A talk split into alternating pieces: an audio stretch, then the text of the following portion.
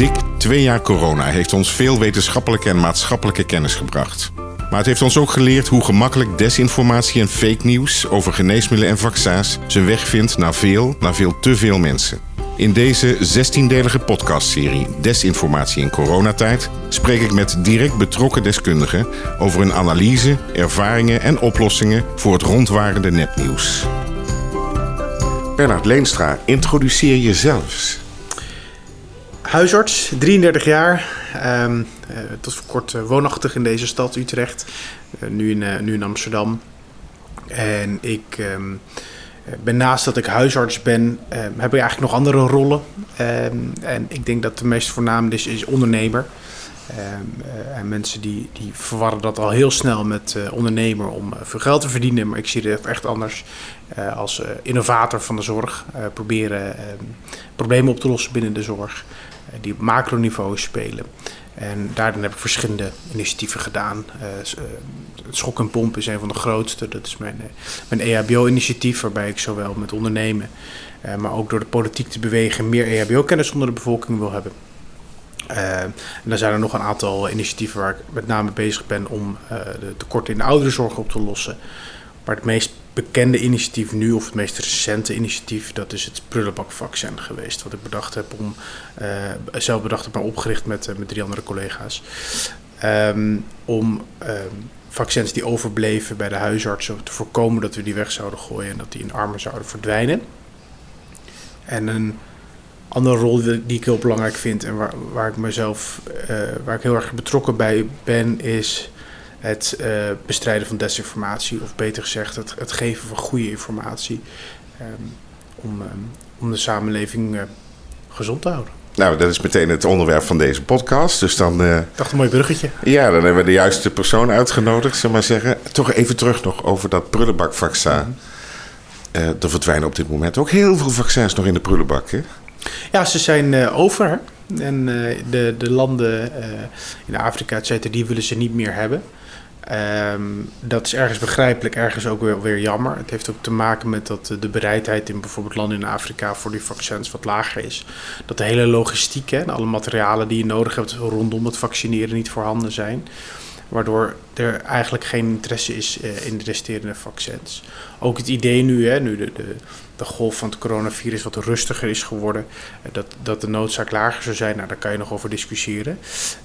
Um, maar ja, ze worden weggegooid. Ja. En dan hadden we nog een heleboel Novavax-vaccins voor mensen die geen mRNA-vaccin wilden hebben. Ja. Die zijn ook niet zo populair. Nee, dat is een wassen neus, denk ik. Ik denk dat we dat, uh, dat alle artsen die enigszins in de, in de hele wereld van de vaccins betrokken zijn, in, in Nederland dan althans in ieder geval, al lang wisten dat dat een kansloze exercitie was. Want uh, op een enkeling na hoor, die het vaccin dan wel heeft genomen, uh, was de gedachte dat men bang zou zijn voor de tussen aanhalingstekens nieuwe technieken van de mRNA-techniek en dat daar, men daardoor het vaccin niet zou willen hebben. Dus als je dan teruggaat naar een traditioneel techniek, dat men het wel het vaccin zou hebben. Uh, maar dat is natuurlijk helemaal niet zo. Het gaat deze mensen die het vaccin niet willen hebben, het gaat niet om de, om de, feitelijke reden de, die zij noemen. Uh, het gaat om dat hun geloof is, is, is, is tegen de vaccins per definitie. Ze willen gewoon niks ingesproken ze willen, krijgen. Nee, maar dus ze willen gewoon niet meedoen aan, aan wat daar speelt. Dat zijn... Um, Hadden we dat kunnen weten overigens? Ja, want ik denk dat de signalen wel duidelijk waren. Dat je ziet, um, je, uh, als je met die mensen het gesprek aangaat en gaat luisteren... wat is nou de, de bewegen redenen dat je, dat je dat niet wil dan um, merk je bijvoorbeeld als je de. Het, zeg maar, het eigenlijk op 200 te tellen. Het is, een soort argument om het niet te nemen. Um, het, en als je die feitelijke argumenten om het niet te nemen ontkracht, dan gaan ze over naar het volgende argument. En als je die ontkracht, gaan ze over naar het volgende argument. En je, je zult nooit ergens komen dat ze geen nieuw argument. Ze zullen altijd iets vinden. Maar dan heb je het over de hardcore anti-vaxxers. ja, dit is, dit, dit, is ook meteen een, een, lastig stukje, denk ik, in de discussie. Ik denk dat je, je hebt, ik noem dat andersdenkenden. Dus dat zijn, dat zijn mensen die niet geloven in de wetenschap, maar geloven in het geloof. Dus de alternatieve wetenschap. Dus uh, ik geloof erin, dus het is bewezen. Heel anders dan hoe wij wetenschap bedrijven, waar, waar wat heel complex is en met, met, met uh, statistiek, et cetera. Gaat het bij hen om, om, om, om een religie eigenlijk. Het is een, een, alternatieve werkelijkheid. Um, deze, deze groep, dat is een hele kleine groep, die, die, die zul je nooit met welk Novavax-vaccin of wat dan ook die, kunnen overtuigen het vaccin te nemen, met welke wetenschap je ook aankomt zetten. Het doet er voor hen niet toe. Er is een andere, veel grotere groep, en dat noem ik de vaccintwijfelaars. Dat zijn helemaal niet mensen die um, tegen de overheid zijn of boos of angstig. Dat zijn mensen die door die andersdenkenden aan het twijfelen worden gebracht. Wat best invoelbaar is. Want die argumenten die ze geven lijken aan de oppervlakte, de argumenten die de andersdenkenden geven, die lijken aan de oppervlakte heel uh, plausibel. En dan hoor je twee verhalen. Dus je hoort het verhaal van wat alle Nederlandse ziekenhuizen, het RIVM, het IVM, uh, zegt. Aan de ene kant. Aan de andere kant hoor je een ander, tussen aanhalingstekens, plausibel verhaal. Ik snap wel dat als jij zelf geen medisch-wetenschappelijke kennis hebt, dat je daardoor gaat twijfelen. Ja. En dat zijn echt wel twee verschillende groepen. Nee, de, ik, ik, denk dat dat waar is. Uh, en en de, uh, dat laat onverlet natuurlijk dat de invloed van die fanatieke groep... dat die best stevig is. Mhm. Mm -hmm. uh, en dat, je, dat de agenda daarvan soms ook niet helemaal duidelijk is. Eens, ja. Um, ik denk dat die agenda's ook weer kunnen verschillen. Kijk, dat weet ik natuurlijk ook niet. Hè. We kunnen dus echt alleen maar gissen van wat is nou de, de, het, um, de motivatie erachter. Ik denk dat, ik denk dat die wisselend is. Um, als je de, het uh, boek van Richard Evans leest over de complottheorie uit, de, uit het nazisme, maar ook Kees Zwijstra, recent een, dus een filosoof, die recent een De Waarheidszoekers. Dan zie je al iets meer uh, het licht achter deze andersdenkenden, achter de mensen die die complotten verspreiden. Maar er is ook wel weer echt iets vrij nieuws opgekomen. En dat zijn echt de, de mensen, de desinformatiebedenkers. Dus die, die er een verdienmodel aan hebben uh, vastgekoppeld. Want het wordt ontzettend veel geld verdiend met het bedenken van desinformatie. Het is namelijk enorme clickbait, zoals het heet. Hè? Mensen ja. vinden het interessant om op te klikken en te lezen. Ja, dus die hebben weer meer een verdienmodel. Die maken misbruik eigenlijk van de, van de angst van de twijfelaars en de andersdenkenden. Uh, zodat die daarop gaan klikken. Dus ik denk dat, er, dat er, ik denk dat er echt verschillende agenda's zijn. En ik denk ook echt dat er een groot deel is die echt overtuigd is. Um, dat wat zij doen het goed is. Dat de intenties echt goed zijn. Dat is niet uitzenden geld, maar dat is echt geloven dat, uh, nou, in hun alternatieve werkelijkheid. Nou, zei je straks, uh, uh, zij kijken anders naar de werkelijkheid zoals wij er naar kijken. En met wij bedoel je dan mensen die wetenschappelijk zijn opgeleid en, en collega-artsen en dergelijke. maar er zijn ook artsen die dat helemaal omarmen. Ja, ja dus de, het feit dat je een academische achtergrond hebt, is geen garantie dat je uh, zeg maar de wetenschap trouw blijft, om het zo te zeggen. Ja. Ik denk um, dat. Dat is heel vriendelijk geformuleerd. Ja, maar wat vind je er werkelijk van? Nou, ik denk dat, ik denk dat voor veel van deze mensen. Um, dat daar problemen spelen. Ik, ik kan niet, ik, ik bedoel, even disclaimer vooraf, ik ben natuurlijk geen gedragswetenschapper, maar uh, deze groep vind ik zelf het meest interessant. Dus hoe kan het nou dat medisch, van origine medisch wetenschappelijke academici, en het zijn echt maar een handje vol, hè? Bedoel, uh, iedereen die hiermee bezig is, kent al die tien namen die dit doen, van het Artsen COVID collectief en dat, uh, alles daaromheen. Hoe kan het nou dat zij zo van dat wetenschappelijke pad afgevallen zijn? Dat vind ik ontzettend interessant. Um, en ik, ik zie ook wel een parallel dat veel van deze mensen zich ook bezighouden met alternatieve geneeskunde. Waar ook geen wetenschap voor nodig is, hè, want het is alternatief en uh, dat hoeft niet bewezen te worden, want het gaat om het gevoel. Dus daar zit ook weer een beetje een parallel met, met, met dit. Ik zie ook bij sommige collega's die, uh, dus die het alternatieve pad, dat, die, dat daar toch wel wat speelt af en toe in de hoek van um, um, somberheidsklachten, uh, burn-out of andere problemen in een sociaal domein. Um, en, en ja, daar, daar zit kennelijk ook een correlatie. Daar heb ik wel theorieën over, maar dat, dat, dat moet je ook een beetje voorzichtig mee zijn. Want nou, je, je noemt het nu, dus het is op ja, zich dit, interessant. Dit, nou ja, goed, ik, ik, noem, ik noem ook geen namen met wie ik uh, uitvoerige gesprekken heb gehad. Dus ik ben ook bij mensen thuis geweest en uh, met echt, echt lang gesproken. Um, met mensen die tot die tien namen behoren. Uh, ja, ik heb, ja, dat was dan het een van de, daar, daar heb ik urenlang mee aan de telefoon gezeten. Ja, ja, om, om echt te begrijpen. Hè. Dat, dat was ook wel een prettig gesprek. Het was ook helemaal niet mijn doel om diegene te overtuigen. Ik wist ook wel dat zou me niet lukken. Maar ik wil juist snappen, hoe, hoe kan het nou dat wij, dat we, we zouden toch eigenlijk dezelfde feiten, die zouden we moeten delen. En dan kun je daar op basis een mening over geven. Um, hoe, hoe kan dat nou dat we dat dan toch anders zien? En als je dan steeds de diepte in gaat, dan merk je dat op een gegeven moment kom je op een punt waarbij,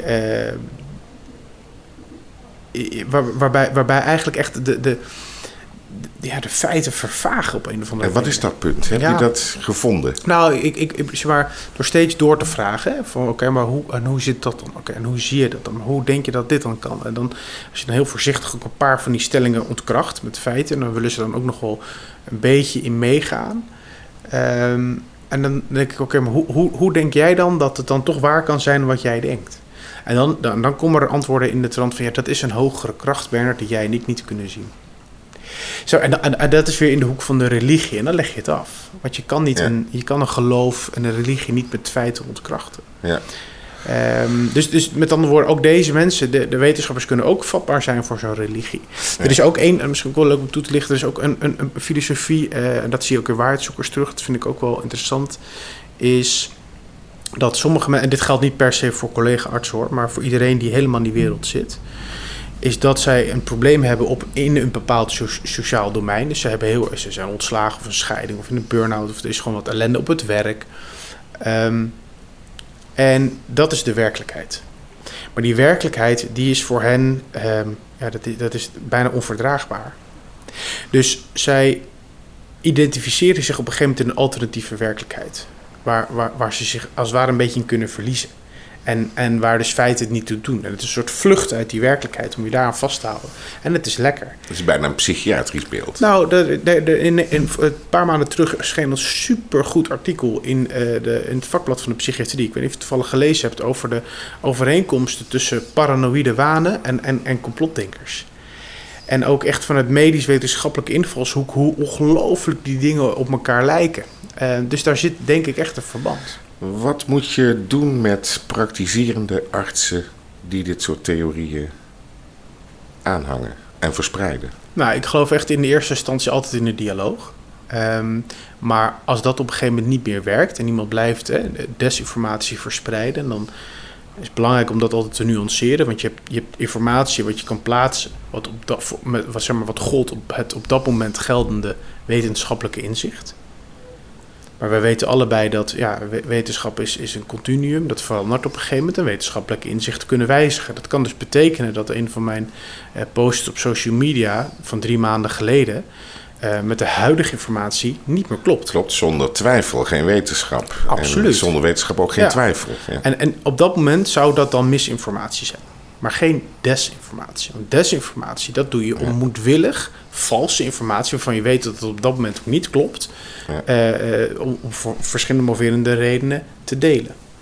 Dus die artsen die dat doen, um, ja, daar moet je op een gegeven moment wel tegen optreden. Uh, dat, moet je, dat is natuurlijk ultimum remedium.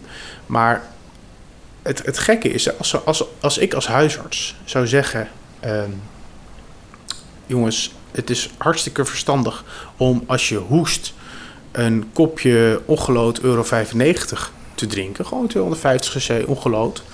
En dan ben je van je hoest af. Dan ben ik in no time eh, bij de tuchtrechter. Maar als jij desinformatie over uh, vaccins uh, de eter inslingert, um, dan wordt daar nu nog wat met de waarschuwing wordt dat afgedaan. Terwijl dat ook toch wel dodelijke gevolgen kan hebben. Ja. Dus je moet goed kijken, en dat is echt aan de tuchtrechter, hoe je daarmee bezig bent. Ja, en in, met ongelode benzine, dan snapt iedereen dat. Maar als het over geregistreerde geneesmiddelen gaat, die niet voor bepaalde indicatie bedoeld zijn, eh, dan wordt het al ingewikkelder. Hè? Ja, dan wordt het ook ingewikkeld. Dat, is ook echt wel een ingewikkeld proces. Maar je ziet nu dat, dat er, de, de legt een boete op, of kan een boete opleggen als jij bijvoorbeeld ivermectine of hydroxychloroquine voorschrijft uh, uh, als behandeling voor corona. Ja, dat, daar, daar, kan ik me in vinden. Dat is op een gegeven moment, hè, dat, dat, je, je, moet maatregelen treffen. Nou, ik vind als iemand dat stelselmatig blijft doen, ondanks de boete, dan moet je op een gegeven moment harder optreden. Ja. Even een stapje terug. Twee jaar geleden, corona overviel iedereen, jou ook waarschijnlijk. Absoluut. Uh, wat maakte dat je dacht van, ik moet, hier, ik moet me hierover gaan uiten, ik moet hier een rol in gaan spelen? Nou, um, tweeledig. Ik, ik vind sowieso voor de corona vond ik het al heel interessant om in, in, in media uh, proberen uh, geneeskunde in Jip Janneke taal uit te leggen. Uh, dus ik, ik vind het altijd leuk om te zoeken naar metaforen, analogieën, hoe je complexe geneeskunde begrijpelijk maakt. dat doe ik in de spreekkamer, vind ik ook leuk om voor groot publiek te doen. Dus, dus dat, heb ik sowieso al. Het tweede punt is, en dat is echt een van mijn hobby's, ook al voor de hele coronacrisis, is, is eigenlijk um, complottheorieën, desinformatie. En ik was heel erg bezig met een, uh, of nog steeds eigenlijk met een werkgroep. Uh, en dat ging dan over uh, mazelenvaccins. En, en die heeft een stichting Vaccinvrij en een Nederlandse vereniging Kritisch Prikken. En ik was al geobsedeerd, bijna geobsedeerd door hoe die uh, die bestuursleden van die verenigingen, hoe, hoe zij denken en hoe zij, hoe zij ermee bezig zijn. Ik heb ze ook uitgenodigd voor, om een lezing te komen geven op, bij mij op de universiteit uh, hier in Utrecht. Wat ze deden, vind ik overigens erg dapper. En ik heb dat echt uh, met, een, met een groepje wetens, met 40 wetenschappers zijn we daar gaan luisteren. En ik vond het toen al interessant van hoe kijken zij naar de. En daar zag je dus al die parallellen. Ja. Daar zag je al de. Er is, heel veel, er is ook echt wel veel geschreven over dat. Uh, de manieren waarop andersdenkenden uh, formuleren, denken. Er zit een hele rode draad achter. Je kan in de psychologie daar echt elementen uh, over vinden. Dat heet, dat heet de FLIC, F-L-I-C-C. Dat, uh, voor de luisteraars kunnen dat eens googlen. Super interessant. Want zo kan je het verschil zien tussen wetenschapsontkenning, wat deze mensen doen, wat die andersdenkenden doen, en, en oprechte sceptisch, wat, wat past bij de wetenschap. En dat, die FLIC die kan dat goed, die helpt je dat onderscheiden. Dus dat had mijn fascinatie al. Uh, En toen kwam corona, waar dit extreem naar voren kwam. Ja, want heb, ik heb in, in mijn leven nooit dit zo extreem. Je, je weet dat dat bestaat. Ik mhm. bedoel, ik heb een paar jaar geleden in die uh, discussie over een steeds geringere dekking van, de, van het Rijksvaccinatieprogramma. Ja. ook wel eens de woede op de hals gehaald door te suggereren dat we dan misschien eens moesten nadenken over het Australisch model om mensen tekort op hun kinderbijslag. Ja. Nou, ja. Dat levert ook hele leuke reacties op, kan ik je vertellen. Ja. Um, maar toen, het, het, en toen zag je wel die bewegingen. En dat was eigenlijk een heel, over, heel, heel goed te overziene groep mensen die heel erg anti-vax was. Ja. Maar die wel eh, eh, bestond uit verschillende groepen. Hè. Je had een, een groep uh, die heel streng gelovig was, die vanuit geloofsovertuigingen dat niet wilde. Uh, maar je zag een nieuwe groep, veel als welgestelde, goed opgeleide uh, mensen uh, in, in stedelijke gebieden, die, die ineens helemaal op die antivax-hoek ging zitten. En die hebben zich in deze pandemie heel erg uitgesproken. -hmm. Uh, misschien met de, de, de bezorgde moeders, of hoe heet het ook ja, alweer? Ja, moederhart. Uh, ja. Moederhart, ja, ja. als extreme. Um, en dat lijkt ook wel een groep die ongelooflijk lastig te bereiken is. Ja, dat, dat denk ik ook. En dat is ook wat je net in het begin zei, is dat je, dat je uh, waar, ik het ook dus, waar we het mee eens zijn, over eens zijn, is dat die mensen die uiteindelijk dat vaccin niet nemen, dat, dat zijn heel veel verschillende groepen. En ik denk dat Um, de, om hen uit te leggen, mee te nemen uh, waarom ze dat eigenlijk beter voor zichzelf wel zouden kunnen doen en voor de samenleving wel zouden kunnen doen. Dat vraagt een verschillende aanpak per groep. Um, Misschien zelfs per individu. Bijna wel, ja, dat geloof ik. Ik denk dat, um, uh, dat als, wat ik, waar we het begin over hadden, als, jou, als jij echt een diep gewortelde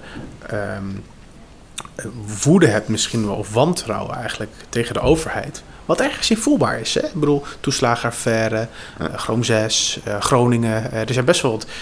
of hij het echt steken laten vallen. Nou, dan snap ik wel dat, je, dat dat misschien jouw wantrouwen voedt. En dat je denkt, nou, als de overheid nu met die strenge maatregelen komt van die vaccins... bekijk het maar. En dat kan een hoog opgeleid iemand zijn. Nou, dat is in. Daar moet je het vertrouwen terugwinnen. Nou, dat, dat ligt bij de overheid. Maar dat is inderdaad weer heel iemand anders die uh, weer echt vastzit in die, in die aan paranoïde uh, grenzende angsten. Uh, die, die zul je bijna een soort cognitieve gedragstherapie moeten geven om weer de werkelijkheid een beetje onder ogen te kunnen zien. Dus het, het, het, het, het, het, is echt lastig, het is heel complex, maar we moeten er wel iets mee. Ja, en soms is het denk ik ook heel erg lastig in te voelen wat er nou precies achter zit. Ik, ik kwam mezelf tegen een familielid dat zwanger was. Mm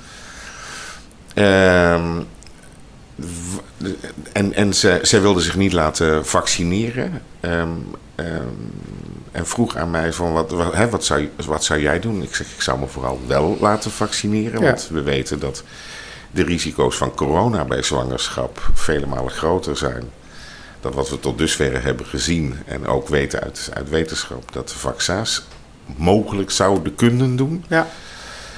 Uh, maar toch heeft ze het niet gedaan. Uh, en zij legde uit aan mij van dat de beslissing voor haar om actief iets te doen, wat mogelijkerwijs haar kind schade zou doen, veel erger voelde dan niets te doen. Met andere woorden, door zich niet te laten vaccineren, accepteerde ze alles wat er kwam. Uh, en ging ze ervan uit dat het wel goed zou komen. Mhm. Maar als zij actief die vaccinatie zou laten zetten, dan voelden ze zichzelf medeplichtig aan datgene wat er mogelijkerwijs zou gebeuren. Dus daar gaat ineens hele rare, ja. andere psychologische principes een rol spelen. Ja, ja nee, dat, dat, uh, dat is interessant. Dat, dat, lijkt eigenlijk ergens ook wel een beetje op, uh, op religie. Hè? Van als, als God het wil, ik ga het actief doen, als God het wil, dan sterf ik.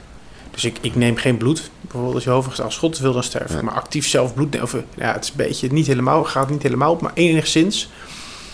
Ja, dat is, dat is, de, dat is het zelfbeschikkingsrecht. En kijk, dat, dat moeten we natuurlijk ook koesteren. Als, als, als iemand echt dat niet wil, en we hebben er alles aan gedaan om iemand uit te leggen dat, er, nou, dat het redelijkerwijs en feitelijkerwijs echt onverstandig is om dat te doen.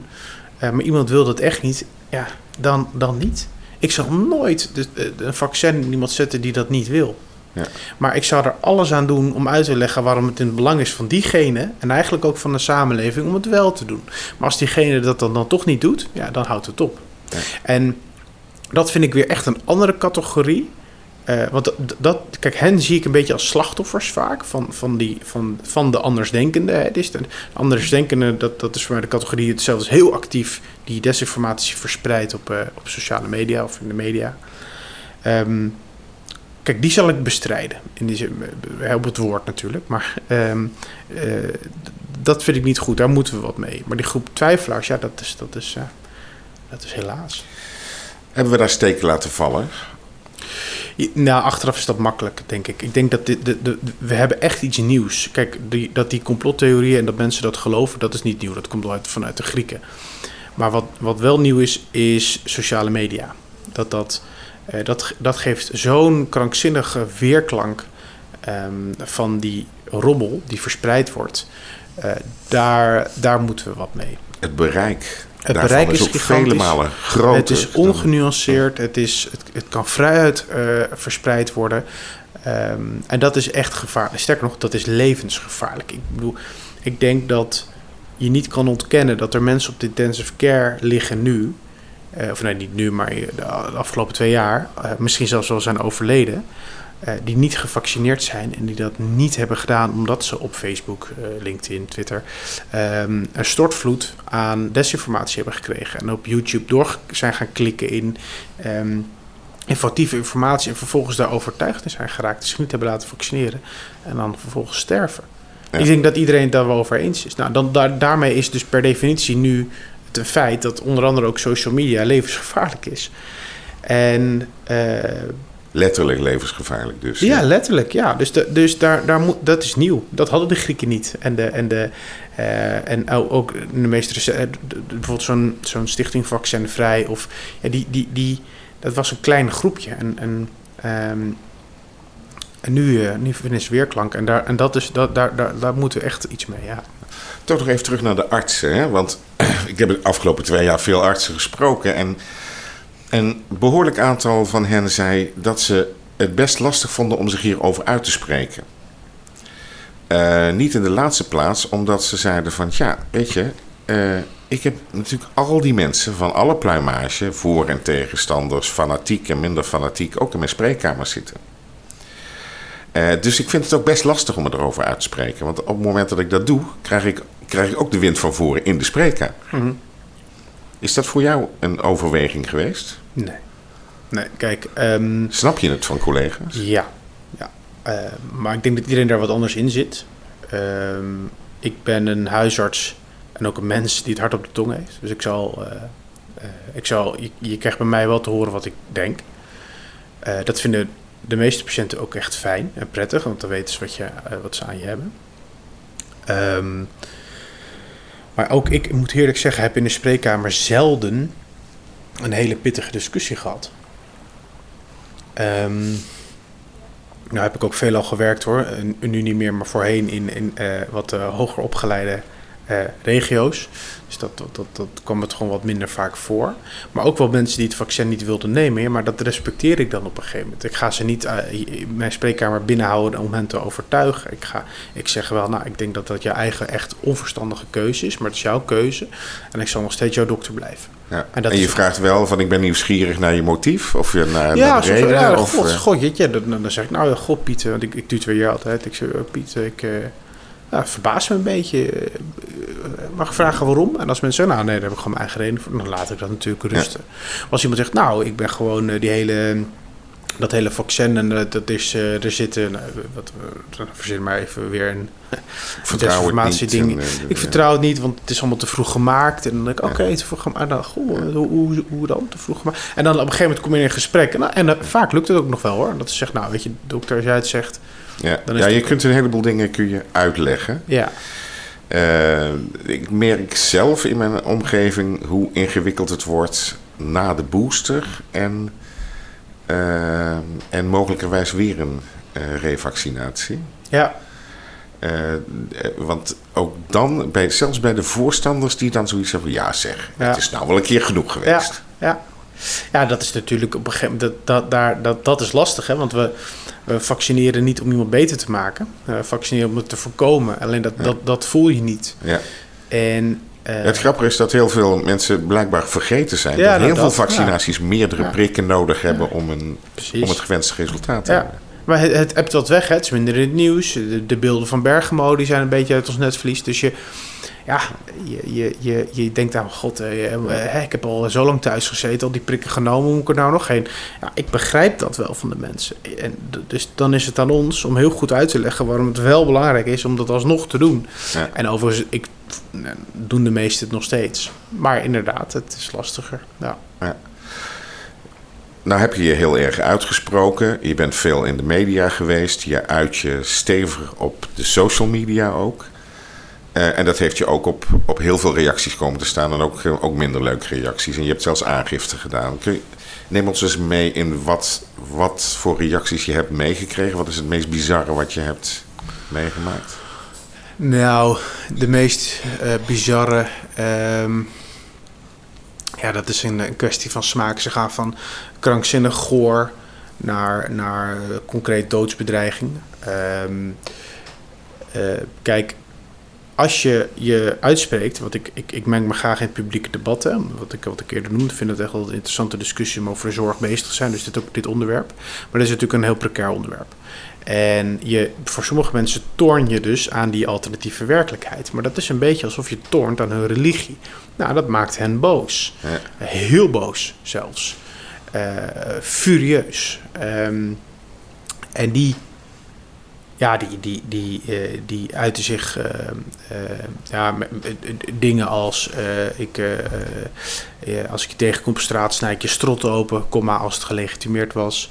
Eh, ehm, tot met eh, eh, ehm, nou, echt de meest, ik ga het niet herhalen, maar echt de meest gore verwensingen naar mij of mijn vrouwelijke familieleden. die niets te maken hebben met wat ik doe. Er is zelfs iemand veroordeeld, geloof ik. hè? Ja, en ik heb dus ook een concrete doodsbedreiging gehad van iemand die had eh, geld geboden om mij eh, te vermoorden. Ehm, daar is ook positief op gereageerd. Eh, ja, op een gegeven moment is de maat vol. Ehm, kijk, dan is er natuurlijk ook een groep door, door de prullenbakvaccin, eh, ons initiatief. En we zijn ook nog een soort ehm, variant daarvan zijn we ook nog bezig geweest om dus vaccins naar Namibië te krijgen. En er zijn allemaal collega's ook bij betrokken geweest als team. En we kregen daar ook bedreigingen door. Want kijk, die, die, er zijn echt mensen die dus overtuigd zijn geraakt dat die vaccins gif zijn. Maar, maar, maar echt letterlijk. Hè? Dus dan moet je dat bedenken dat je dus niet twijfelt, maar je, je, je, weet voor jezelf dat die vaccins gif zijn. En dan zie je artsen op het nieuws en die, en die brengen dat naar Namibië. En daar is een groep mensen die hebben ons brieven geschreven, e-mails geschreven. Van, ja, jullie moeten hiermee stoppen, jullie vermoorden. En het eh, gaat niet goed. Uh, anders, anders dreigt er wat, dat soort zaken. En uh, deze mensen die, die, die denken, ja, we gaan die Bernard Leenstra en zijn collega's stoppen, want dan zijn wij de helden. We zijn eigenlijk het verzet. Want zij zijn de NSB, wij zijn het verzet. Maar dat denken ze niet, dat zijn ze. Je moet je echt proberen te verplaatsen die mensen. En die gaan zo ver dat ze bij een collega van mij ook uh, op de uh, voordeur van de praktijk hebben geschoten met een geweer. Daar zijn beelden van. Ze hebben een molotov cocktail uh, boven de deur van de praktijk gegooid. Omdat ze dachten dat die collega daar woonde. Dat huis is afgebrand. Hij woonde daar overigens niet. ze hebben zijn praktijk geprobeerd in brand te steken. Nou, toen kwam die, dat, dat bieden van geld om mij te vermoorden. Het gaat heel ver. En toen was de maat vol. En heb ik aangifte gedaan. En dat, dat, is ook wel mooi om te zien. Dat was een anoniem account. Uh, van iemand die waarschijnlijk dacht dat je met een anoniem account altijd weg kan kopen. Maar dat is niet zo. Dus de politie wordt er steeds beter in om toch ook anonieme Twitter-accounts en andere accounts op te sporen. Ja. En dat is gelukt. Ja. En uh, hij is veroordeeld. Ja. Mensen, als mensen aan mij vragen van waar heb je spijt van de afgelopen twee jaar? Dan uh, zeg ik altijd: ik heb spijt van één ding. En dat is dat ik heb meegewerkt aan een interview van Welschmerz op hun verzoek. Ja. Dat was overigens wel heel erg leerzaam. Ja, uh, en waarom was dat leerzaam?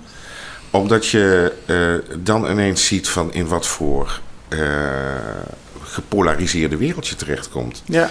Je wordt al voor, aan het begin van het interview geïntroduceerd als de vijand.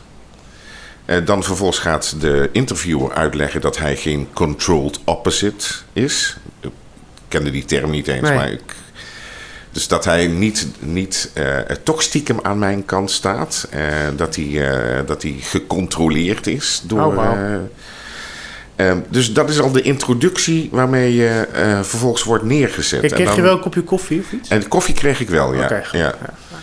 En vervolgens moet je dat interview gaan doen. Maar dan, ja. dan denk je al van, uh, ja, maar in wat voor werkelijkheid kom ik nou toch terecht? Ja. Hoe kun je ja. nou op die manier met elkaar omgaan? Want dan, dan zit je dus blijkbaar al in een compleet vijand, letterlijk vijand denken naar elkaar toe. En, en, en, waarom heb je er spijt van? Omdat het zinloos is. Hmm. Omdat het zinloos is. Je werkt, uh, uh, je werkt eraan mee aan een kanaal dat alleen maar voor zijn eigen achterban predikt. Mm -hmm. uh, dat ook geen andere kijken. Er kijken alleen mensen naar die bevestiging zoeken voor de, voor de ideeën die ze al hebben. Ja. Het is net als met ongehoord Nederland. Ja. Voor mij ook een volstrekt raadsel is waarom dat op de, uh, via belastinggeld betaald moet worden. Ja. Um, dus dat heeft helemaal, helemaal geen zin. Nee. Alles wat je zegt wordt in twijfel getrokken. Ja. Uh, uh, door mensen waarvan het helemaal niet het vak, het vak is. Ja, dan denk ik, ja, dat is al heel interessant. Maar wat weet je daar nou van? Ja. Ik, kan het je zeggen, als jij zegt ik geloof het niet, nou dan geven we elkaar een hand en dan gaan we naar buiten toe. Ja. Het is heel ingewikkeld op het moment dat ik zeg van, ja kijk, we hebben hier een uh, witte of gebroken witte uh, muur en iemand zegt nee hoor, is blauw. Ja. Dan zeg ik, ja, dan gaan we een heel kort gesprek houden, want ja, ja dan zijn we klaar. Ja, maar dit is precies uh, het verschil tussen, tussen de feiten en de mening. En uh, uh, wat ik net al zei, kijk, als je, die feiten die moet je delen, want anders kan je, kan je nooit verder gaan in, in, in een gesprek, precies wat jij nu zegt. En dat is heel frustrerend. Je zegt net van, ik heb aangifte gedaan. Mm -hmm. Je benadert het heel zakelijk. Mm -hmm. Althans, in de manier waarop je het verwoordt. Mm -hmm. Maar heb je er wel eens wakker van gelegen? Nee. Nee. Um, ik ben wel ontzettend kwaad geweest toen ik hoorde wat er mijn collega was overkomen. En uh, dat hij ook uh, echt uh, beveiliging heeft gehad. wat voor impact dat heeft gehad op zijn gezin. dit is Eh, een man eh, met een eh, ontzettend gouden hart, een geweldig huisarts.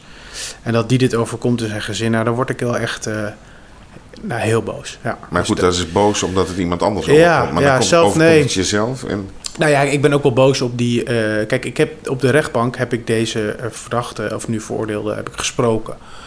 Eh, ik was heel boos op hem. En nu ik hem gesproken heb, heb ik een beetje medelijden bijna. Want het is een hele zielige jongen. En dat, had hij natuurlijk nooit moeten doen. Maar ik ben nooit bang geweest. Ik geloof nog steeds, ja, misschien is dat ook een beetje tegen beter weten in, dat waarom in vredesnaam zou iemand, een huisarts, ehm, echt een, ja, ik ben geen bekende Nederlander, ik heb geen macht, ik heb geen invloed. Wa- waarom zou je mij nou echt wat aandoen? En ehm, nou ja, dat is misschien de vraag stellen is ook het zoeken naar het antwoord daarop. Hè? Want je, Ja, je, bent nou ja. dan, je bent dan de verpersoonlijking van het kwaad in de ogen Ja, nou, voor, voor, ke- maar, maar dat die echt overgaan tot daden, dat heb ik altijd gedacht, dat gaat niet gebeuren, totdat het dus bij mijn collega gebeurde. Toen dacht ik, nou, dat, dat, dat, dat, dan nog steeds denk ik, ja, dat zal wel een eenmalig incident zijn. Ehm, dus, en het zit denk ik ook niet helemaal in het aard van, het- van het beestje om heel bang te zijn. Ehm, om, om, om, om te stoppen, bijvoorbeeld. Hè. Je kan, ik kan ook zeggen, ik, ik ga gewoon mijn patiënten zien. Ik, eh, ik stop met mijn andere initiatieven. Ik stop met mijn uitspreken in het publieke debat. En ik ga gewoon eh, lekker thee drinken als ik thuis ben. Maar dat is niet Bernard Leenstra. Ja. Dus dat, dat, dat heeft geen zin. Dat zal ik ook nooit doen. Overigens, dan geef je ook precies wat ze willen. Eh, ja, nee, dat... nee, nee. Nee. Wat is voor jou de belangrijkste les geweest van de afgelopen twee jaar? Even voor jou persoonlijk. Nou, dat, dat eh, echt die. Dat, dat desinformatie, het verspreiden van desinformatie. dat is na de echte pandemie secundair het meest grote levensgevaarlijke probleem. Dat denk ik echt. Ehm, je ziet het ook. Hè.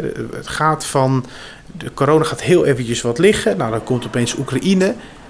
En dan zie je de, de, de, de, de, de, mensen die dan anti-vaccin waren opeens heel erg ehm, eh, pro-Rusland en dan abortus en het klimaat. En je ziet het. eh, Maar dat desinformatietrein die draait door. En de verdienmodellen daarover die draaien ook door. En ik denk dat, dat, dat we het nu geleerd hebben de afgelopen twee jaar... dat dit dus een levensgevaarlijk probleem is. Dat hebben we nu geconstateerd. En ik denk dat dat nog een veel groter probleem gaat worden.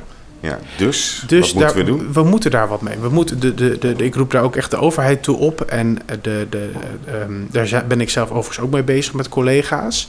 Om op te zoek, om bezoek te gaan. Ik heb het antwoord nog niet, maar om op zoek te gaan naar antwoorden die, waarmee we dit kunnen bestrijden.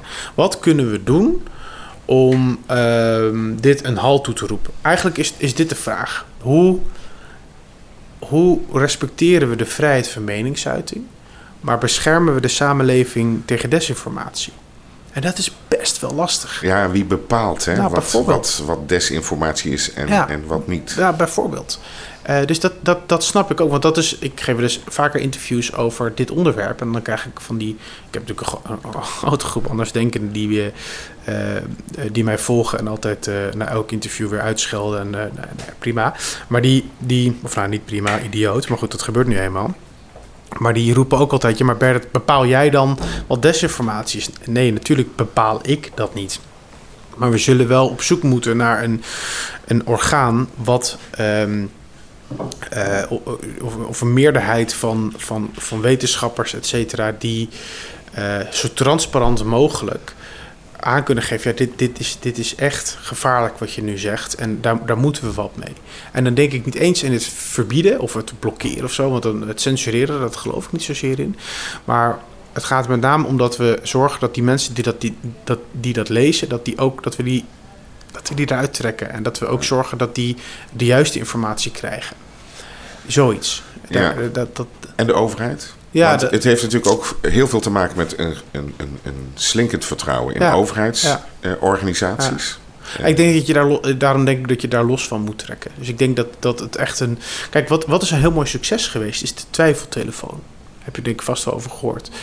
een Eh, van de initiatiefnemers gaat ook meewerken aan een van de podcasts. Wat Dus, goed. Nou, en met die, met, met, eh, met die initiatiefnemers, ah, de- beide heren in ieder geval, ben ik bezig om ook die twijfeltelefoon een soort. Zijn we aan het, in ieder geval aan, aan het kijken, ik moet het even goed zeggen, aan het kijken of het mogelijk zou zijn om die twijfeltelefoon ook in de sociale media te integreren. Dat je een soort. Hè, kijk, die, die twijfeltelefoon, dat is een klantenservice voor vaccintwijfelaars. Hè, dat je vragen, je kan bellen, je krijgt Ja. antwoord. Dat is hetzelfde als PostNL of Bol.com, kan je ook met de klantenservice bellen. Maar PostNL, Bol.com of welke grote bedrijven dan ook, die hebben ook een webcare team. Dus die kun je ook op social media gewoon Ja. taggen met iets. Dat zou ik eigenlijk ook wel een interessant experiment vinden om dat met de, met de twijfeltelefoon te doen voor, voor dit soort kwesties. Ja. En, en zorg dat je, die, die, dat je het, het sociale mediasysteem overspoelt met juist goede informatie. Eh, op die manier hoef je dus niet, niet die, minder hard die mensen die desinformatie te verspreiden aan te pakken. Want dan, ja, dat is ook een beetje koren de molen. Dat, dat- Ja, dat- daar, dat, daar, eh, eh, daar zitten ze voor, denk ja, ik. Af en daarom. toe, Dus je- die- maar als jij, als jij weer heel goed zorgt dat je, dat je de goede informatie geeft, ja, dan zien in ieder geval die twijfelaars niet alleen maar dat fabeltjesfuik, maar dan geven ze ook nog een kans dat ze goede informatie zien. Maar dan laat je dat over aan initiatieven vanuit de markt. Ja. Eh, want je zou ook kunnen zeggen, de, eh, de Rijksoverheid, hè, die, die hebben, hebben ook het Rijksvaccinatieprogramma. Die hebben Ja. ook een verantwoordelijkheid voor onze samenleving in zijn, Ja. in zijn geheel. Ja. Maar misschien even de vraag die daarvoor zit. Hoe vond je de voorlichtingscampagne van de Rijksoverheid? Eh, goed en niet goed. Ehm, ik, ik is heel erg verbeterd. Eh, sinds Ernst Kuipers eh, eh, er ook erbij kwam, vind ik de persconferentie veel beter, met plaatjes. Dus vind ik echt, dat soort kleine dingen maken al een heel verschil. Wat ik miste is dat zij, eh het RVM had bijvoorbeeld heel veel goede informatie op de website, nog steeds.